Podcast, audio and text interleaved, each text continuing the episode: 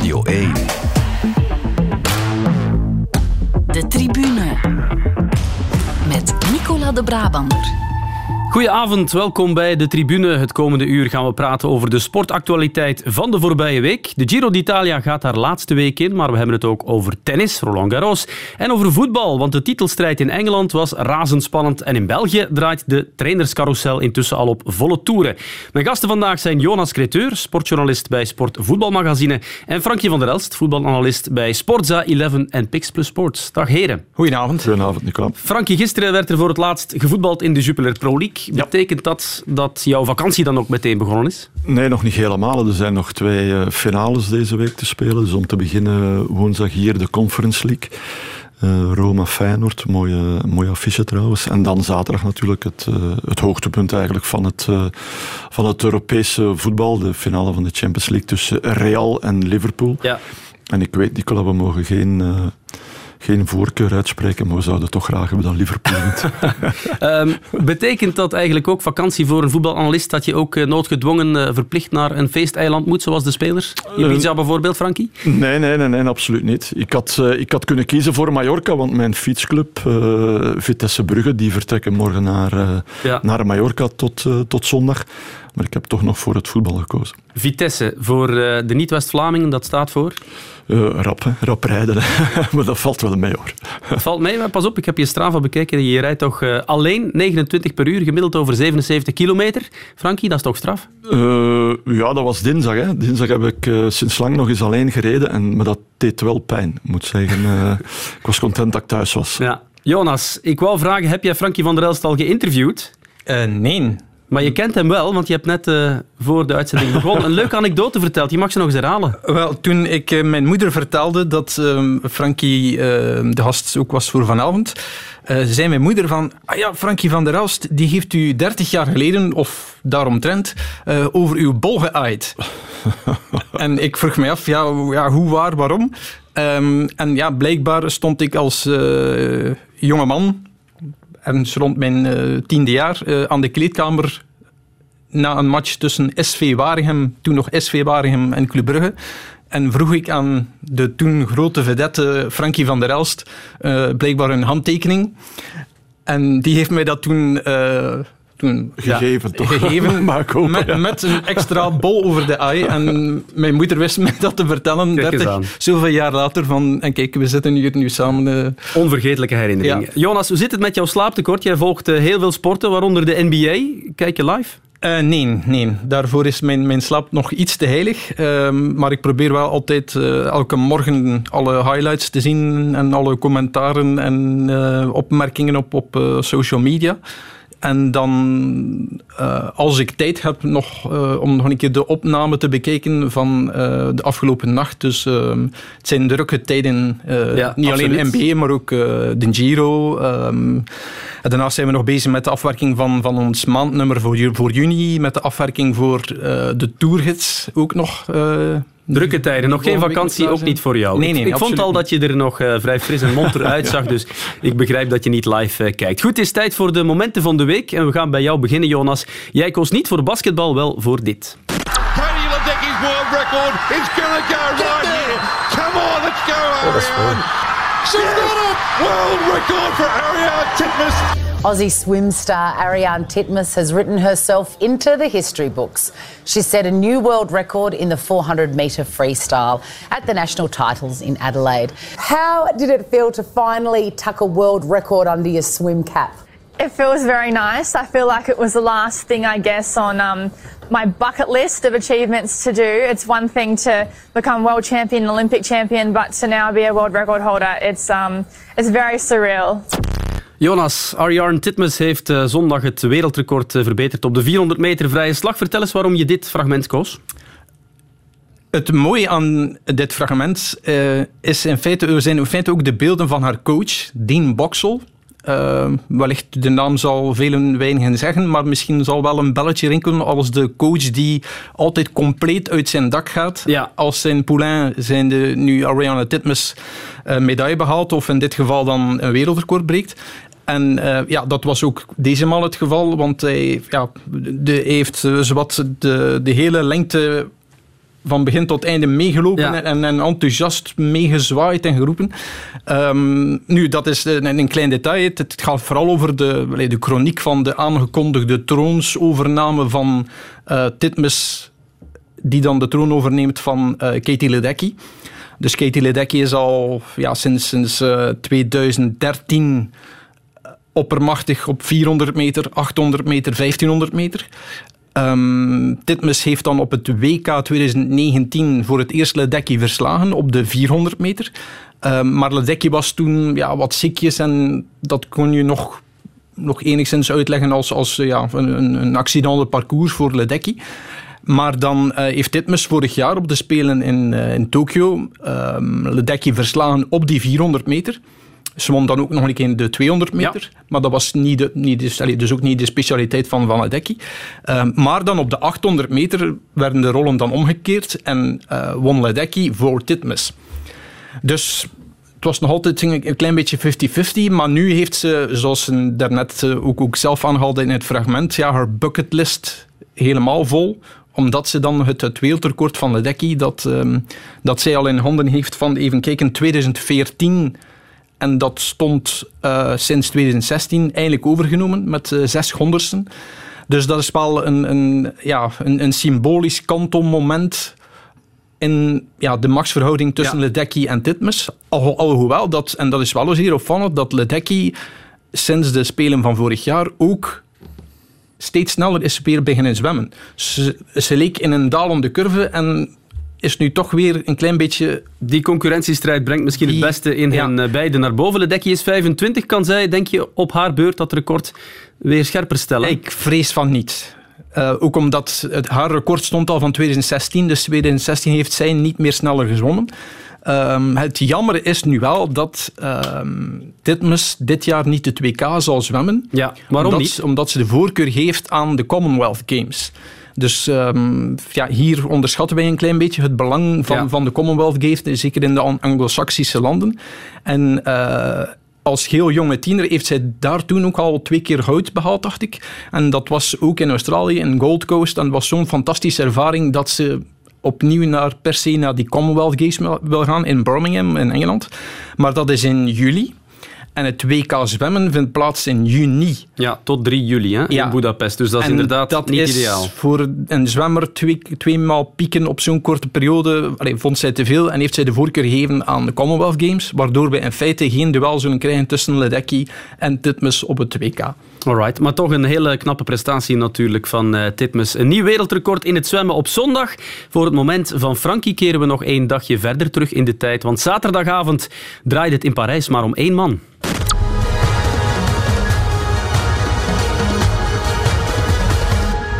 Notre histoire s'écrit ici. Ici, c'est Paris.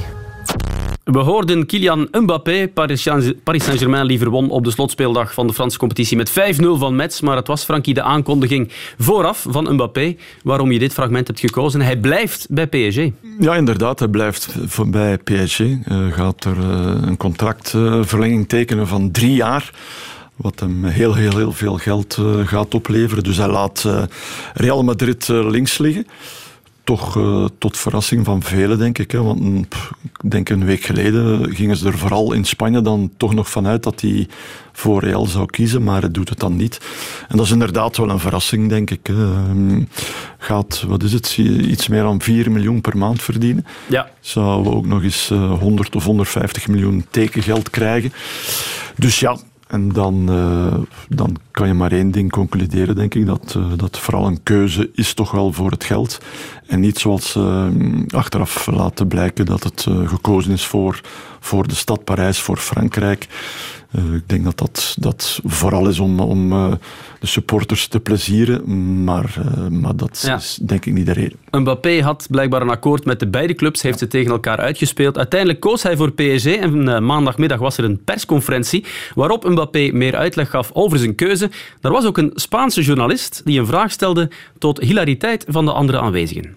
Bonjour, Pablo Polo de Journal Marca. Wow, Pour Espagnol. Espagnol Media. Bienvenue. Merci. Pour Kylian, eh, vous savez, vous imaginez, les, les, madridistas sont dessus. Si vous avez un message pour, pour le supporter du Real, merci. Non, si j'ai un, si j'ai un message, déjà, c'est de les remercier. Parce que euh, j'ai jamais porté le maillot du, du, Real Madrid. Si, je l'ai porté à 14 ans, une semaine. Mais, mais ils m'ont toujours, euh, toujours accepté comme l'un des leurs. Et, et, pour ça, il faut, il faut être reconnaissant. Il faut savoir être reconnaissant. Donc, je veux juste euh, déjà les remercier. Je comprends, je comprends la déception. Mais euh, j'espère qu'ils comprendront le fait que j'ai choisi, j'ai choisi de rester dans mon pays parce que voilà, aujourd'hui, il euh, y a une vérité, c'est que je suis français. Et comme j'ai dit, comme j'ai dit, en tant que Français, j'ai envie de, de, continuer encore un peu essayer de, de mener la France vers les sommets et d'essayer de tirer ce, championnat et, ce club. Ja, Mbappé die heeft het dus inderdaad over de ambities uh, met PSG en uh, hij wil Frankrijk ook als land en als competitie helpen. Die Spaanse journalist trouwens, die werd welkom geheten door de voorzitter, dat was Nasser El Khelaifi, die we hoorden. Niet zonder enig leedvermaak. De reactie ook van de andere aanwezigen in de zaal. Ze hebben er wel schik in dat Mbappé niet naar Spanje gaat. Ja, dat is zo. Ja. En, uh, maar goed, ik snap ook wel uh, dat ze in Real Madrid uh, zeer zwaar ontgoocheld zijn. Want hij heeft toch altijd laten uitschijnen dat het zijn droomclub was. Dat hij, als ze zou weggaan bij PSG, dat het vooral voor de keuze voor Real Madrid zou zijn. Dat eigenlijk toch heel lang volgehouden. En dan op het einde, ja onverwachts eigenlijk naar voorstappen als ik heb hier net een contract van drie jaar getekend. Lijkt me logisch dat ze daar in, uh, in Madrid zwaar ontgoocheld zijn. En inderdaad, er was wel, uh, wel wat leedvermaak bij de aanwezigen. Hebben jullie de reactie van Javier Tebas gezien, de La Liga-baas? Ja. Mm -hmm. ja, absoluut. Die ja. is dus in zijn pen gekropen op Twitter. Hij noemde de transfer een belediging voor het voetbal. En hij zei dat de voorzitter van PSG, El Khelaifi, even gevaarlijk is als de Superliga. Wat, de Super League. Wat vinden jullie daarvan, van die uitspraken?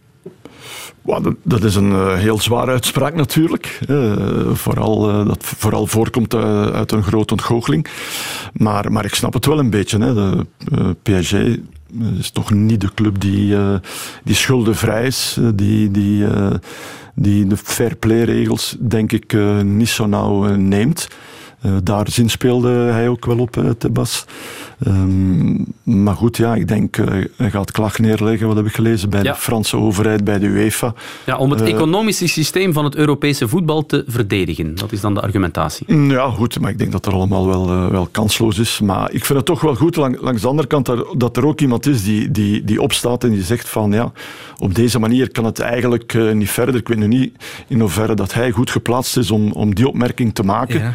Dat, dat, dat, is dan weer een andere vraag. Maar we moeten ons toch wel stilletjes aan de vraag stellen, denk ik, dat, uh, ja, dat dit toch allemaal wel heel, heel ver gaat. Ja. Want in feite zijn, zijn het ook ja, bijna hallucinante bedragen.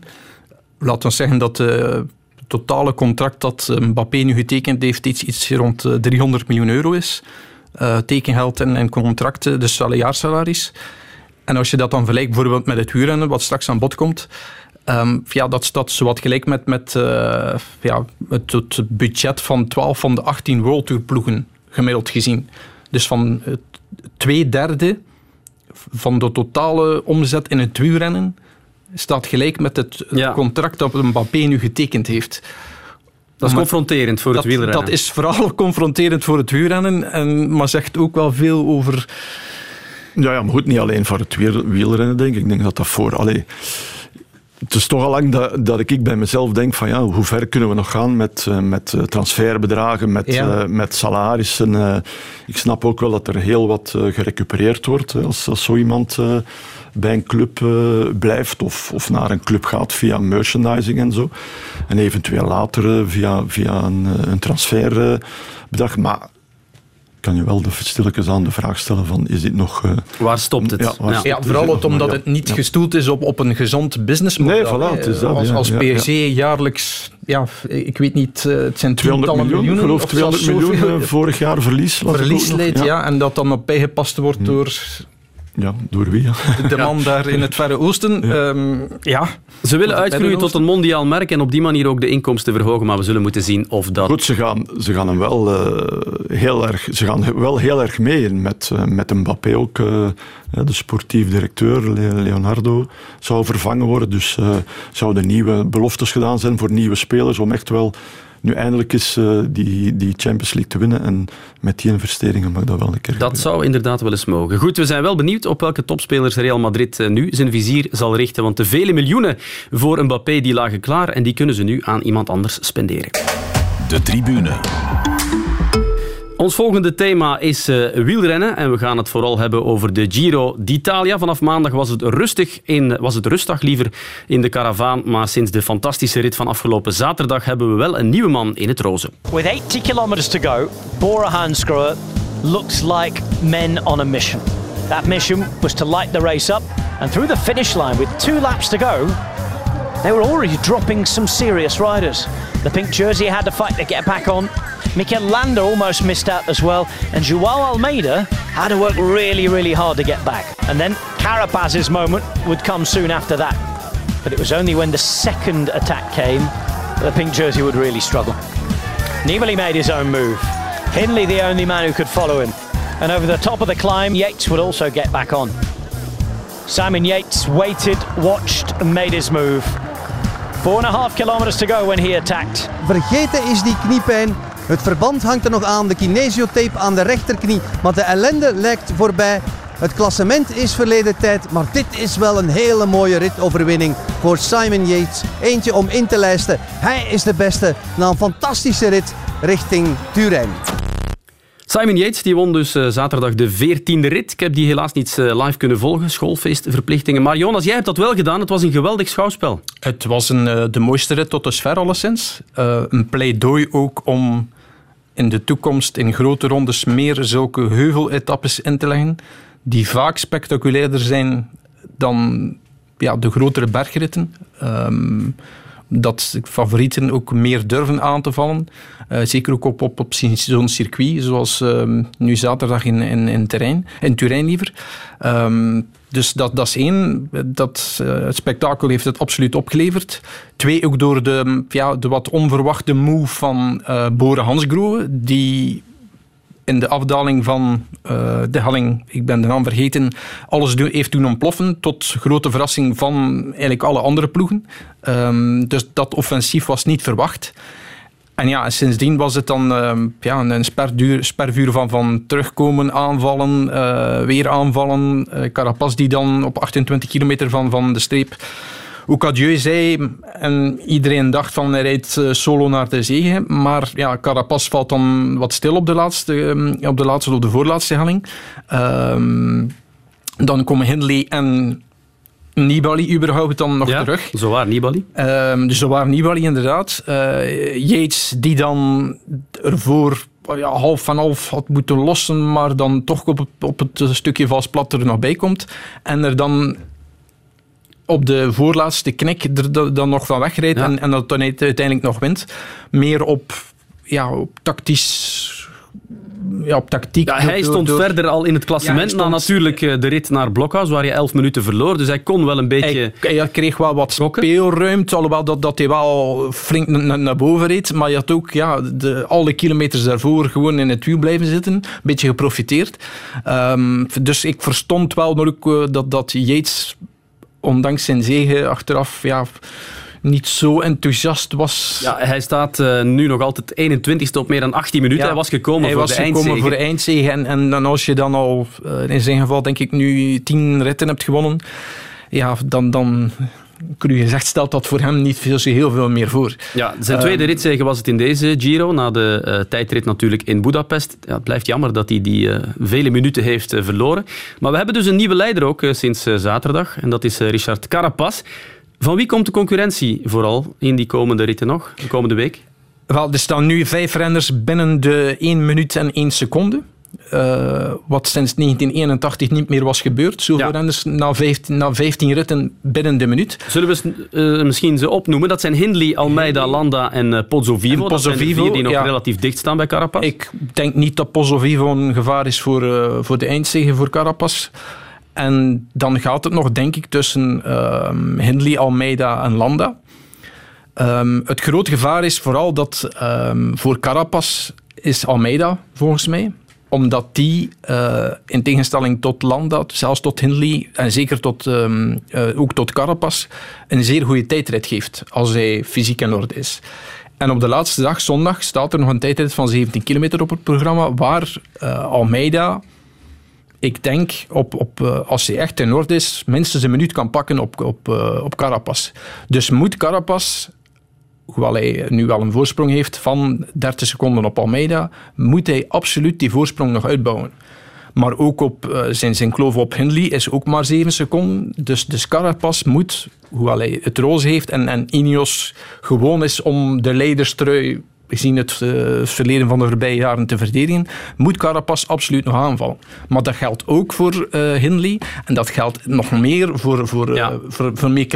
Kortom, het ziet er goed uit voor de, de kijkers. Hè. Het kan nog spectaculair worden. Het kan nog zeer spectaculair worden. Vooral ook omdat, want dat is wel opvallend, de voorbije twee weken en vooral de voorbije week was heel warm. Uh, gemiddeld 26,x graden um, heeft iemand, uh, Velo Facts, een, een Twitter-account, mij laten weten. De warmste Giro tot dusver in vele jaren. Maar het weer gaat nu de komende dagen omslaan. Er worden onweersbuien voorspeld, regen. Um, en dat kan, zeker in het hooggebergte, in de Dolomieten, Um, niet alleen puur de, de, de omslag van temperatuurverschil voor, voor het lichaam, maar ook in, in, want er zijn nog flink wat technische afdalingen. Um, kan dat wel ook wat alvrij veroorzaken. Ja. Dus dat is ook wel een factor um, dat je moet in het oog houden. Ja, er zijn ook een aantal belangrijke klassementsrenners die eind vorige week uit de wedstrijd zijn verdwenen. Dan denk ik aan Romain Bardet, ziek geworden. Vrijdag opgegeven. En Dumoulin, zaterdag. Wat moeten we nu vinden van uh, die opgave van Dumoulin? Hij had last van de rug. Hij leek aan de beterhand en dan geeft hij toch snel op in die zaterdagrit. Ja, binnen de ploeg zeiden ze zelf dat, um, ja, dat die rug inderdaad wel weer was verbeterd. Hij was blijkbaar op de, op de rustdag door zijn rug gegaan bij het omkleden. Um, en ik vond het ook wel opvallend dat Dumoulin ik zelf ook zei van, ja, dat het maar één van de redenen was. Um, dat en, lijkt alsof het opnieuw mentaal niet al te Maar ik zou het ook niet niet meteen, want het is altijd nog afwachten of, of er een, geen ander fysiek euvel komt bovendrijven. Um, hij heeft ook uh, COVID gehad. Um, je weet nooit, long COVID, we weten nog altijd niet wat de gevolgen daarvan zijn. Um, ik denk dat, dat het vooral een, een combinatie is van, van mentaal en fysiek. En, uh, maar dat mentale, ja, het probleem is dat vanaf er iets tegenslaat, dat hij geen mentale buffer heeft om zich daar nog over te zetten. En, en is, het ook niet, ja, is het ook niet fysiek, puur fysiek, heeft toch een hele tijd uh, niet gereden? Ja, wel, ook omdat ja. heel zijn, zijn voorjaar was verstoord door, door COVID, heeft dan, is dan drie weken op hoogtestage ja. geweest, maar blijkbaar uh, heb, ik, heb ik vernomen, is dat ook daar ook niet al te vlot verlopen. Frankie bedoelt wellicht ook de periode ja, ja, waar hij even dat, de fiets hij, ja, dat hij uh, helemaal, niet, gestaan. Ja, helemaal niet gefietst heeft, ja, omdat dan om die om dat uh, ja, te overbruggen, in te halen. Ja, alleen, al... alleen uit het koersritme, ja, om dat die koershardheid, om, om drie weken Giro te rijden. Want uh, de eerste keer al dat hij moest lossen, gaf je al aan van ja, mijn, mijn lichaam ja, reageert toch niet meer zoals ik het uh, gewend ben, zoals, ik, ja. uh, zoals in, de, in, de, in de betere periode. zei je nu ook weer van ja, mijn, mijn lichaam is eigenlijk helemaal op, las ik ergens.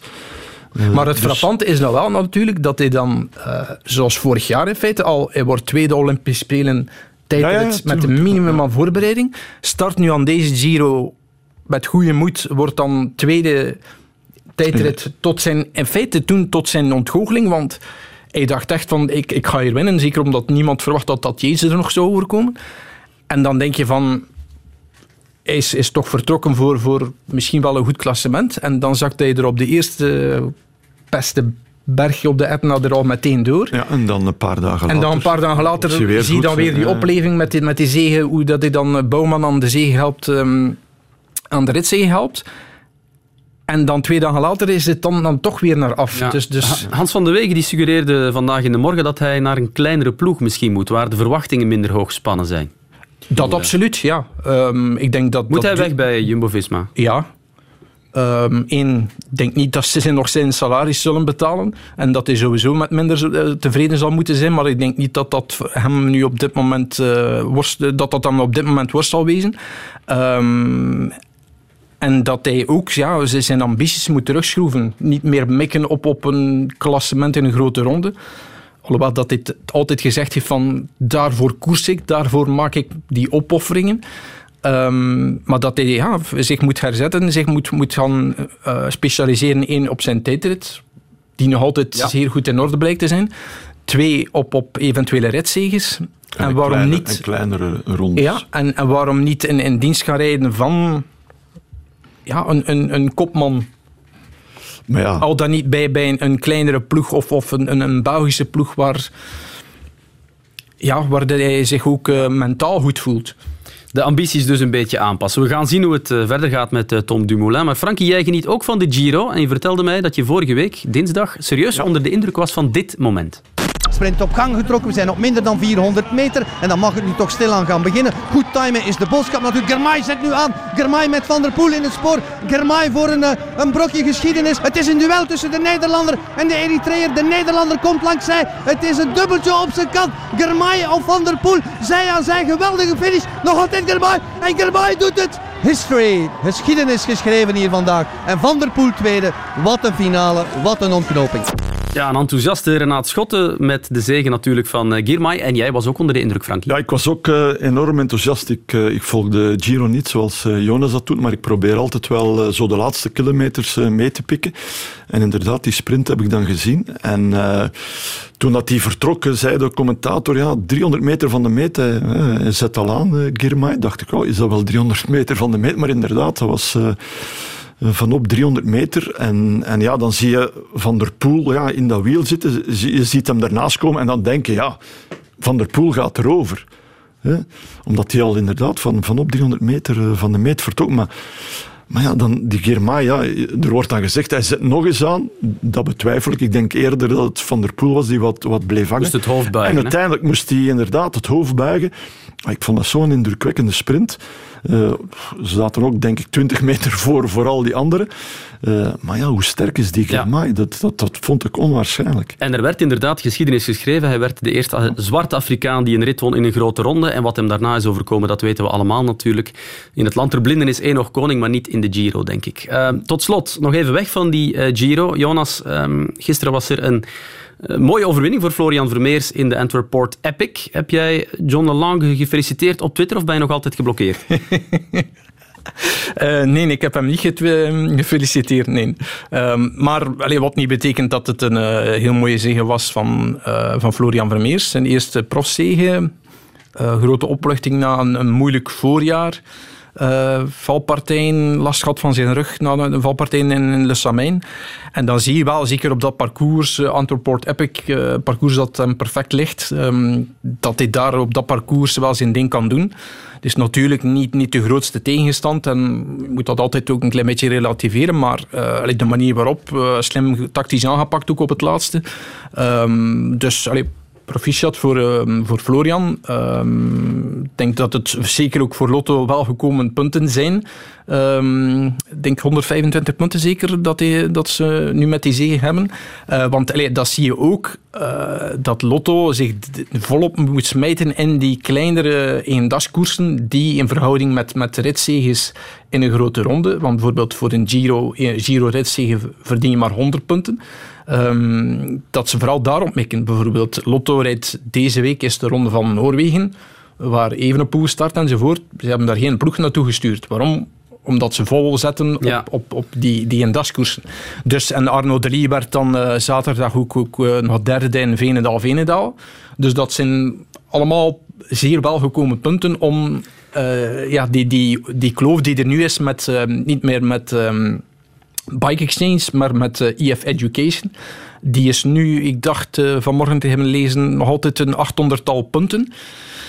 Dus die kloof is wel nog groot, maar niet onoverbrugbaar. We zullen zien. In elk geval mooie eerste profzege voor uh, Florian Vermeers. De nummer 2 van Paris-Roubaix. Natuurlijk vorig jaar de wedstrijd die zijn leven op zijn kop heeft gezet.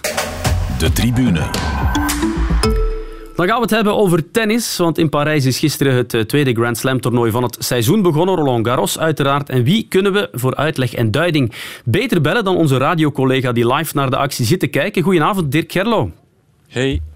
Dirk, waar zit jij nu op dit eigenste moment en welke wedstrijd ben je aan het volgen?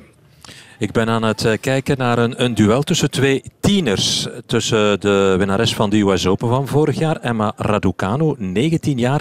En haar tegenstander is Linda Noskova uit Tsjechië. Dat is een qualifier, die is 17 jaar nog altijd maar.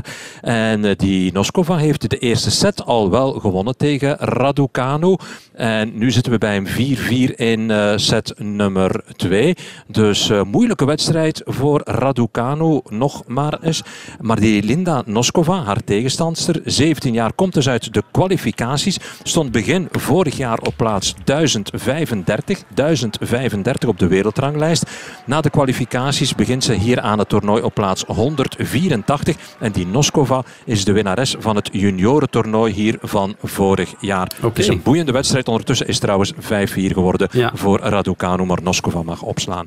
Dag 2 daar in Parijs, Dirk. En er zijn intussen ja. al een paar grote namen gesneuveld. Bij de vrouwen vandaag alleen al een paar.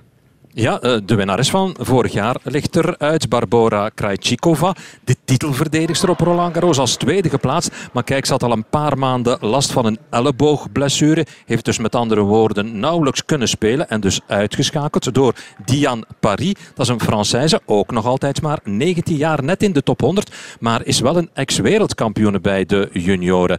En ja, dan uh, heb je ook nog eens de uitschakeling gehad van Naomi Osaka. Ook dat hoeft uh, niet te verbazen. Dat is geen gravel-specialiste. Een winnares wel van vier Grand Slams ondertussen. Maar ze had maar één wedstrijd dit jaar op gravel gewonnen in Madrid. En het gevolg natuurlijk weer van die nederlaag. Weer een beetje verder gezakt op de wereldranglijst. Staat nu 40ste. Wimbledon, dat laat ze nog in het midden of ze dat uh, gaat doen. Dat toernooi spelen. Maar ze kon het uh, wel goed plaatsen, het verlies. Ze was niet aangeslagen. Ze voelt zich in vergelijking met vorig jaar, toen ze niet aan het toernooi begon, mentaal wel weer beter. En ze wil op termijn, zei ze toch op de persconferentie, terug naar de top. Hè. Maar ja, op de Grand Slams is ze geen reekshoofd meer, Naomi Osaka. Lastige lotingen zijn altijd mogelijk nu. Ja. Nu, dat, dat zijn de vrouwen, als ik nog mag zeggen. Wat mij ook is opgevallen vandaag. Uh, de uitschakeling van Stan Wawrinka, een ex-winnaar hier. Australië gewonnen, Parijs gewonnen, New York gewonnen. Maar vanaf 2018 blessures, operaties, covid gehad. Noem het allemaal maar op. Hij doet er alles aan om terug te komen. Maar nu wel weer eerste de ronde eruit tegen een Franse wildcard-speler. Een andere Grand Slam winnaar, gisteren eruit, Dominique Thiem. In maart terug op het circuit gekomen, na heel veel knie- en polsproblemen, operatie ook. We spreken hier ook wel over een ex-top 5 uh, speler, een tweevoudige finalist hier ook. En wat zie je dan? Dat het ongelooflijk moeilijk is als je eens geopereerd, geblesseerd bent geweest, om die plaats aan de top weer in te nemen. En het geeft ook wel een beetje aan, wat we ook bijvoorbeeld nu weer zien met die match tussen Raducanu en Noskova, ja, dat het niveau in de breedte en vanaf jonge leeftijd enorm is gestegen. Om matchen te winnen tegenwoordig moet je absoluut top zijn, zowel mentaal als fysiek. Ja, en als het gaat over fysiek fit zijn, dan kunnen we ook een brugje maken naar Rafael Nadal natuurlijk. Hij heeft ja. vandaag zijn eerste wedstrijd gewonnen. Mag hij nog dromen van een veertiende eindzege daar op het gravel in Parijs? Hoe zit het met zijn fitheid? Ja, uh, ik vond het wel een vlotte overwinning in drie sets tegen een Australiër, Thompson. Uh, het was net zijn persconferentie. Hij was tevreden. Hij vond wel dat de baan er behoorlijk zwaar bij lag. Terwijl het dak hier nogthans een hele dag bijna was dichtgebleven. Hij heeft wel in open lucht gespeeld. En hij vond dat de snelheid van zijn voorhand, dat zijn loopsnelheid eigenlijk ook nog wel beter kon. Maar hij, vond het een positieve start. En hij zegt gewoon, ja, oké, ik heb een gebrekkige voorbereiding gehad. Die rugblessure, daarna de voet, de chronische voetblessure. Ik moet gewoon aanvaarden wat is. Ik moet positief zijn dag na dag, training na training. Nu, in alle geval, ik vind wel als hij die eerste weken goed doorkomt, ja, dan heeft hij ondertussen wel weer vier wedstrijden gespeeld. Dan gaat dat vertrouwen wel weer wat toenemen. Alleen ja, daar staat daar in kwartfinale op dit moment, naar alle waarschijnlijkheid, een Novak Djokovic aan de andere kant van het net. Dus uh, dat wordt dan echt wel de cruciale wedstrijd, ook voor Rafael Nadal. Ja, want hij is titelverdediger Djokovic en voor jou ook opnieuw de topfavoriet dit uh, jaar, hè? Ja, ik vind van wel. Op basis ook wel van de groei van de voorbije weken. Ik heb hem eerder in het seizoen op hardcourt weten spelen in Dubai. Was echt niet goed. Dat was meteen eigenlijk na het hele avontuur van de Australian Open. Dan is hij op gravel beginnen spelen. We hebben Monte Carlo gezien. Was heel moeilijk. Je zag dat hij nog geen ritme had. Eh, het lopen, de slagen, dat zat allemaal nog niet goed. Dan geraakt hij wel in eigen land tot in de finale. Verliest hij tegen Rublev. Dan hebben we Madrid gehad. En uiteindelijk, als je daar echt heel die wedstrijd tegen Alcaraz bekijkt, ja, het is op een paar puntjes maar gespeeld. De week daarna speelt hij Italië, waar hij altijd al goed heeft gespeeld. Dat is voor hem een referentietoernooi. En de manier waarop hij daar Tsitsipas in de finale heeft weggezet. Een voorhand die weer draaide. De service weer op volle kracht. Nauwelijks fouten nog. De mentale weerbaarheid.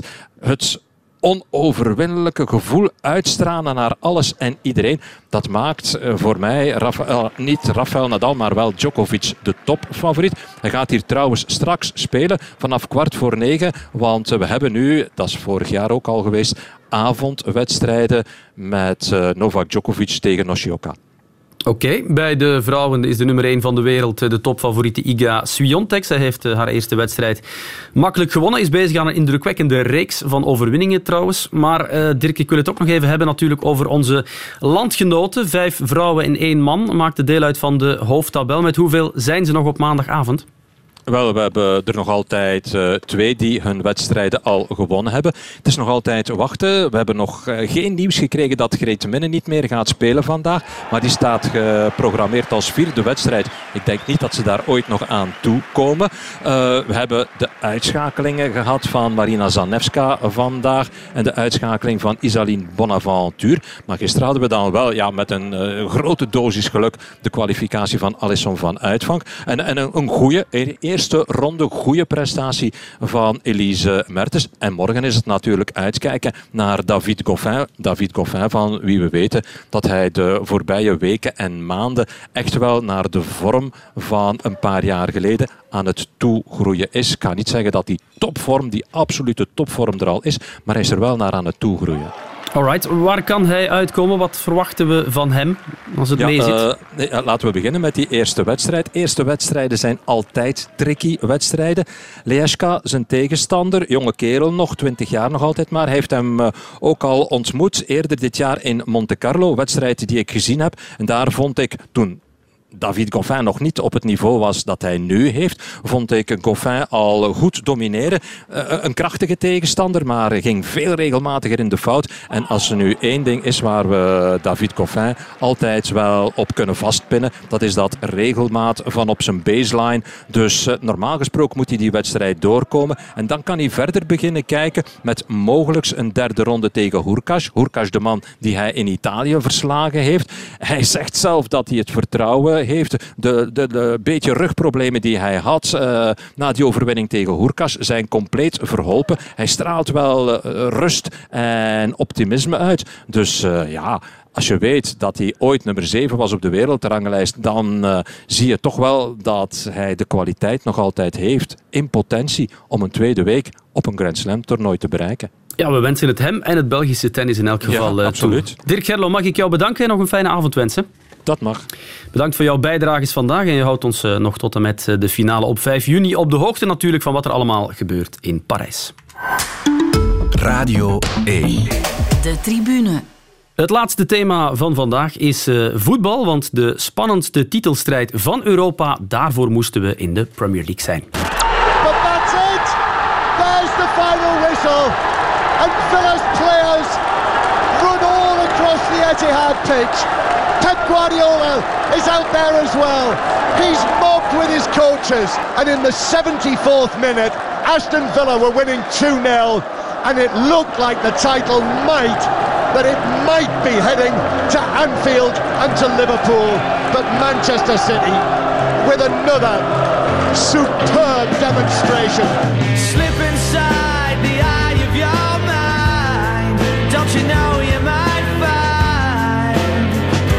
Place to play? Lots of banners. Muchas gracias, Pep is another banner down there. We feel legends, I'm sorry. and we feel that uh, we don't need to 10 years to 15 years to realize the magnitude what we have done in these last five years. Voor mij persoonlijk is dit de beste uit de vier. Met de manier hoe ik uit het seizoen ben gekomen, met de pijn, mentaal moeilijk gehad.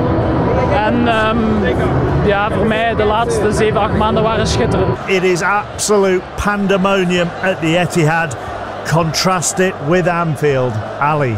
Liverpool have beaten Wolves by three goals to one. Eventually, they did what they needed to do this afternoon. They knew they needed to win the game to give themselves any chance. Funnily enough, Mark, I don't think there was actually any point in terms of that as it stands table when Liverpool actually had the title in their hand. But in this moment, for us, it's disappointing. First and foremost, congratulations to Man City, Pep Guardiola, and the whole club. Um, and we couldn't do more today. We couldn't. We had to win the game. Um, and then you need you need help, and that's never good in life.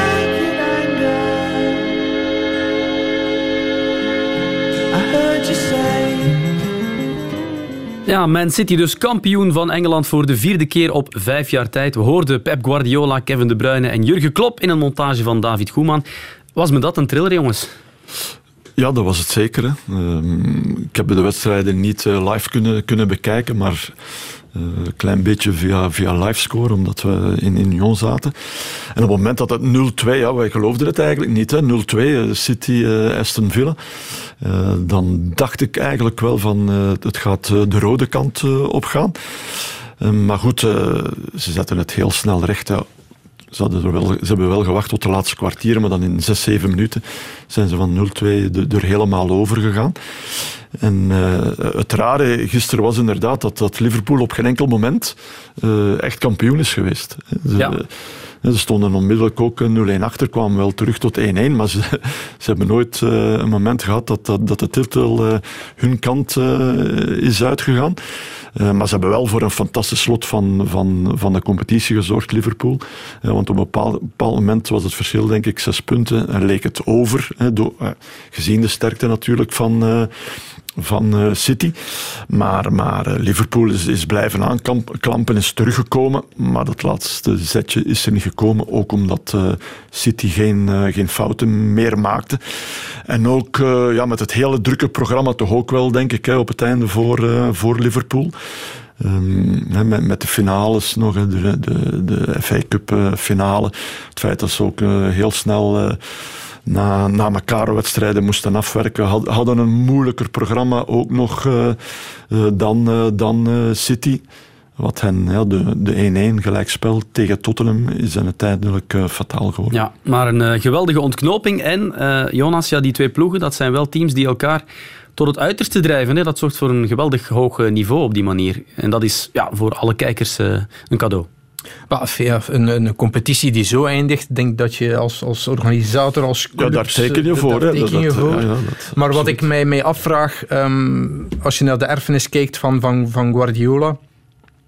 Um, zijn, hoeveelste titel is het nu? Dat, Hij is in de laatste dertien seizoenen uh, tien keer kampioen geworden en dat in drie verschillende landen. Dat is in elk geval een statistiek. Uh, en met City de hoeveelste? Wel, ze hebben er nu vier in de laatste vijf uh, jaar. Ja. Dus dat, allee, dat is een indrukwekkend palmares. Maar als je dat dan afweegt naar... Je gaat de Champions League vernoemen. Ja, ja. ja. En in welke mate wordt hem dat dan in Engeland ja, kwalijk genomen? Of wordt dat dan telkens met de mantel der, der liefde bedekt, omdat hij dan die titel telkens wint? Gisteren na de wedstrijd zei hij, de Premier League winnen is eigenlijk moeilijker dan de Champions League, want je moet heel veel matchen en heel veel weken lang op topniveau presteren. Wat vinden jullie van die quote? Ja, ik denk dat daar wel een, een, stukje waarheid in zit. Maar natuurlijk met, uh, met de mogelijkheden die, die hij heeft, de kwaliteit die hij uh, tot zijn beschikking heeft, had hij al lang de Champions, Champions League moeten winnen. Of, of, ze, of ze minst dit seizoen ook weer uh, de finale halen.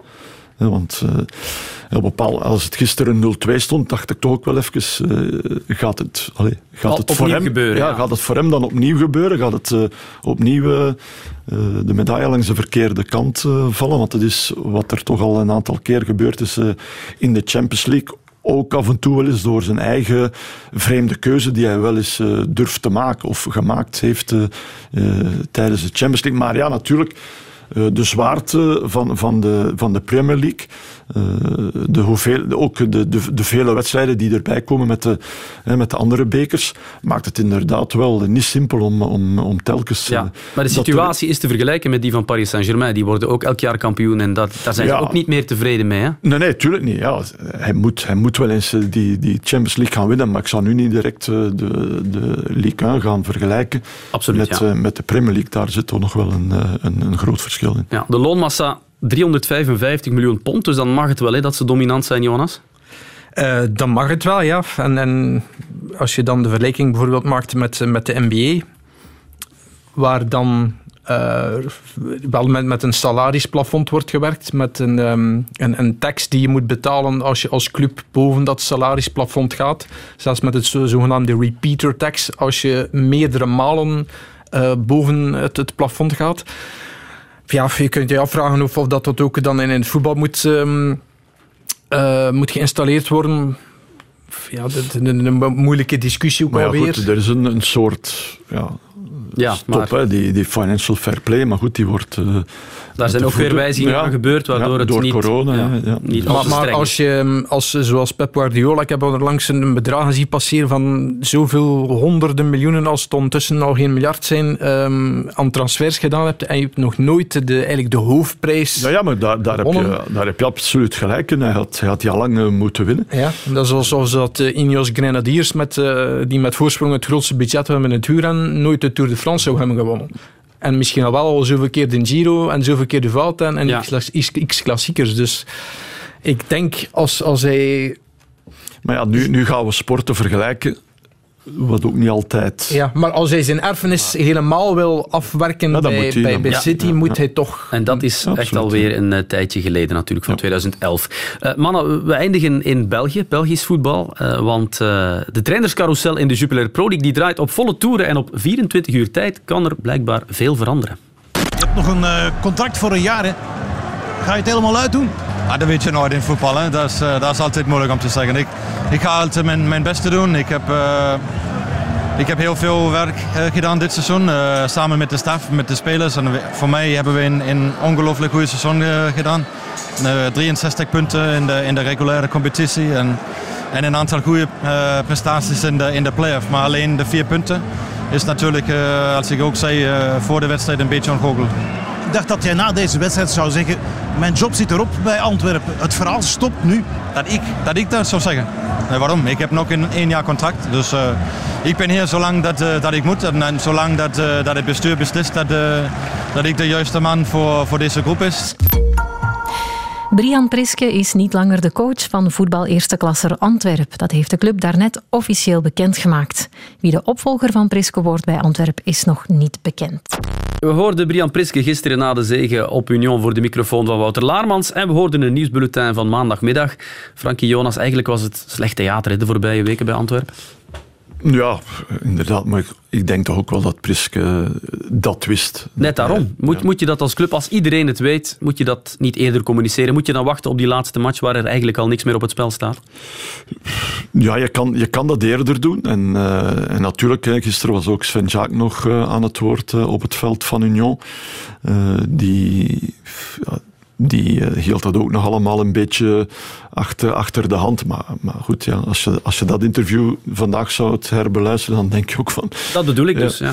Ehm, maar het is moeilijk, hè. langs de andere kant is het moeilijk om, eh, om, om ja, drie, vier weken of, of na de... eh, kort, ja, je, je had hem kunnen ontslaan na, onmiddellijk na de, de derby tegen Beerschot. Omdat er dan heel veel ongenoegen was. Eh, en, dan, en, en dan hebben ze het één of twee dagen nadien, hè, Gijs ook gezegd van, oh, geen probleem eh, tussen mij en, de, en, en de trainer. Eh, maar, maar op dat moment wist je eigenlijk al dat het voor Priske over was. Priske had nog, nog eh, overwinning na Ja. overwinning kunnen nemen. Eh, dat verhaal was eh, sowieso over. Zijn opvolger wordt wellicht Mark van Bommel. Bij Racing Genk is Stork weg. Daar wordt misschien Franke coach. Er zijn heel wat clubs waar er veel gaat veranderen. De enige G5-club waar dat niet het geval is, is natuurlijk Gent. Want Ja. hij van Azenbroek heeft een contract verlengd. Jonas, Club Brugge eh, gaat misschien eh, ook een nieuwe trainer krijgen met, met Hoefkes. Maar als we in jouw buurt, in jouw streek eh, zitten, dan denk ik aan Zulte Waregem. Daar is een nieuwe coach. Leijen, jij kent de club. Waarom heeft dat zo lang geduurd, die hele soap? Wel, dat, dat, ehm, dat heeft op zich niet zo heel lang geduurd, want ik heb mij laten vertellen dat de onderhandelingen met Leijen in feite maar uh, een, een, week voor de aanstelling waren, effectief waren opgestart. Maar er waren al geruchten maar anderhalve maand. het is wel al zo dat uh, niet alleen de voorbije weken, maar al een tweetal jaar bovenaan de longlist en zelfs de shortlist staat uh, als de man die zelfs één Frankie Dury had moeten opvolgen. Uh, ook omdat Thury de voorbije jaren meermaals ter discussie heeft gestaan. Nu, dat werd nooit concreet door zijn lang, langdurig contract. Leijen die ook meteen aangaf van misschien nog niet 100% direct klaar te zijn voor um, de hoofdcoach. Daarom is hij dan ook begonnen als assistent bij, uh, van Predom bij Standaard. Um, ja, Dury wordt dan, dan toch... Uh, na zoveel keer overwegen dan toch ontslagen in, in, in december vorig jaar. Dat wordt gekozen, ik denk ook voor een stuk, um, ook omdat dat de goedkoopste optie was om voor te doen met Simons en Defoe, die assistent waren. Maar ja, die twee hebben ook niet de resultaten neergezet um, die er verwacht werden. Uh, twee keer is gewonnen, daarna uh, een hele slechte reeks, maar ook met, met wel nog twee cruciale zegens tegen Eupen en Seraing. Het is maar nipt goed afgelopen. Het is maar nipt goed afgelopen en ja, Simons heeft ook niet altijd de beste indruk gemaakt op, op tactisch vlak. Um, dus het was, wel al duidelijk dat dat uh, een aflopend verhaal was. Ook omdat dat Simons zijn oog ja, had laten vallen eventueel op, een hoofdcoach bij een andere club. Uh, ze mochten wel alle twee blijven als assistent, maar uh, ook de vrouw heeft daarvoor afgehaakt.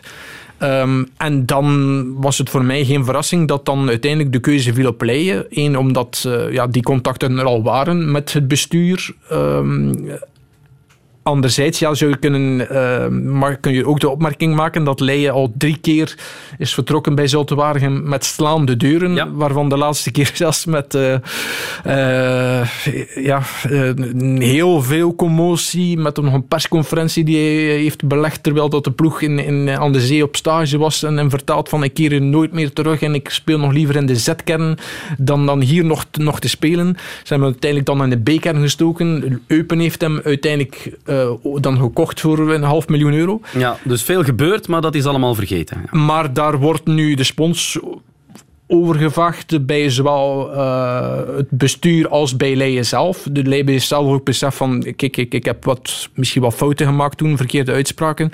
En ook het bestuur gelooft nu in de kwaliteiten van, uh, van Leijen, uh, die blijkbaar toch wel in de gesprekken indruk heeft gemaakt, blijkbaar zeer gemotiveerd is om het tot ongelijk van standaard te bewijzen. Um, vanuit standaard hebben ze ook wel, wel goede commentaren ontvangen als dat Leijen een zeer harde ja. werker is. Anderzijds ja, zijn er ook weer, dan ook weer de negatieve um, kritieken van Lee. Ja. Die... We, zullen, zien wat het uh, wordt met Leij. Maar ik wil nog heel even terug naar Frankie, want onze tijd zit er bijna op. Frankie, jij woont bijna in de schaduw van Jan Breidel. Ja. Je hoort wel iets in de wandelgangen soms. Karel Hoefkes, hoe concreet is dat? Ja, dat weet ik niet echt, maar, maar uh, ja, daar wordt blijkbaar wel aan gedacht. Ja, omdat, uh... Zou je dat een goed idee vinden? Maar ik zou het uh, een, ja, een goed idee, dat, dat moet al, altijd achteraf blijken. Maar het zou mij verbazen als je, als je weet dat ze een paar jaar geleden tegen Philippe Clement nog zeiden, op het moment dat hij ook de ambitie had om T1 te worden, ga eerst maar ergens anders wat ervaring opdoen en kom dan terug als T1. Dus dan denk ik dat het, dat het vreemd zou zijn om nu ja, ja. Hoefkes, uh, als steen voor de, de groep te zetten. Maar er wordt ook gezegd van ja, het feit dat hij en Rick de Mil de manier van werken wel kent en, en het huis kent, zouden ze dat dan wel een goed idee vinden. Dus, maar ik denk eerlijk gezegd dat dat niet gaat gebeuren, dat dat misschien een of ander afleidingsmanoeuvre is. En dat, dat ze met een, ja, met een verrassing naar, naar naar buiten zullen komen. Ja. Oké, okay, we zijn heel erg benieuwd. Een uur is altijd te kort hè, om over eh, sport te babbelen. We konden nog heel lang doorpraten, maar onze tijd zit erop. Dus eindig ik met een klassieker. Waar kijken jullie er nog naar uit op sportief gebied, Jonas, deze week? Uh, naar de afloop van de conference finales in de NBA. Alright, goed. En Frankie? Ja, ik naar de twee finales waar we het in het begin van de uitzending over gehad hebben. De Conference League en de, de, Champions League. Perfect. Jonas en Frankie, bedankt voor jullie komst. Geniet nog van alle sportevents deze week. En aan de mensen thuis wens ik en nog een bijzonder fijne avond. Tot volgende week bij een nieuwe aflevering van De Tribune.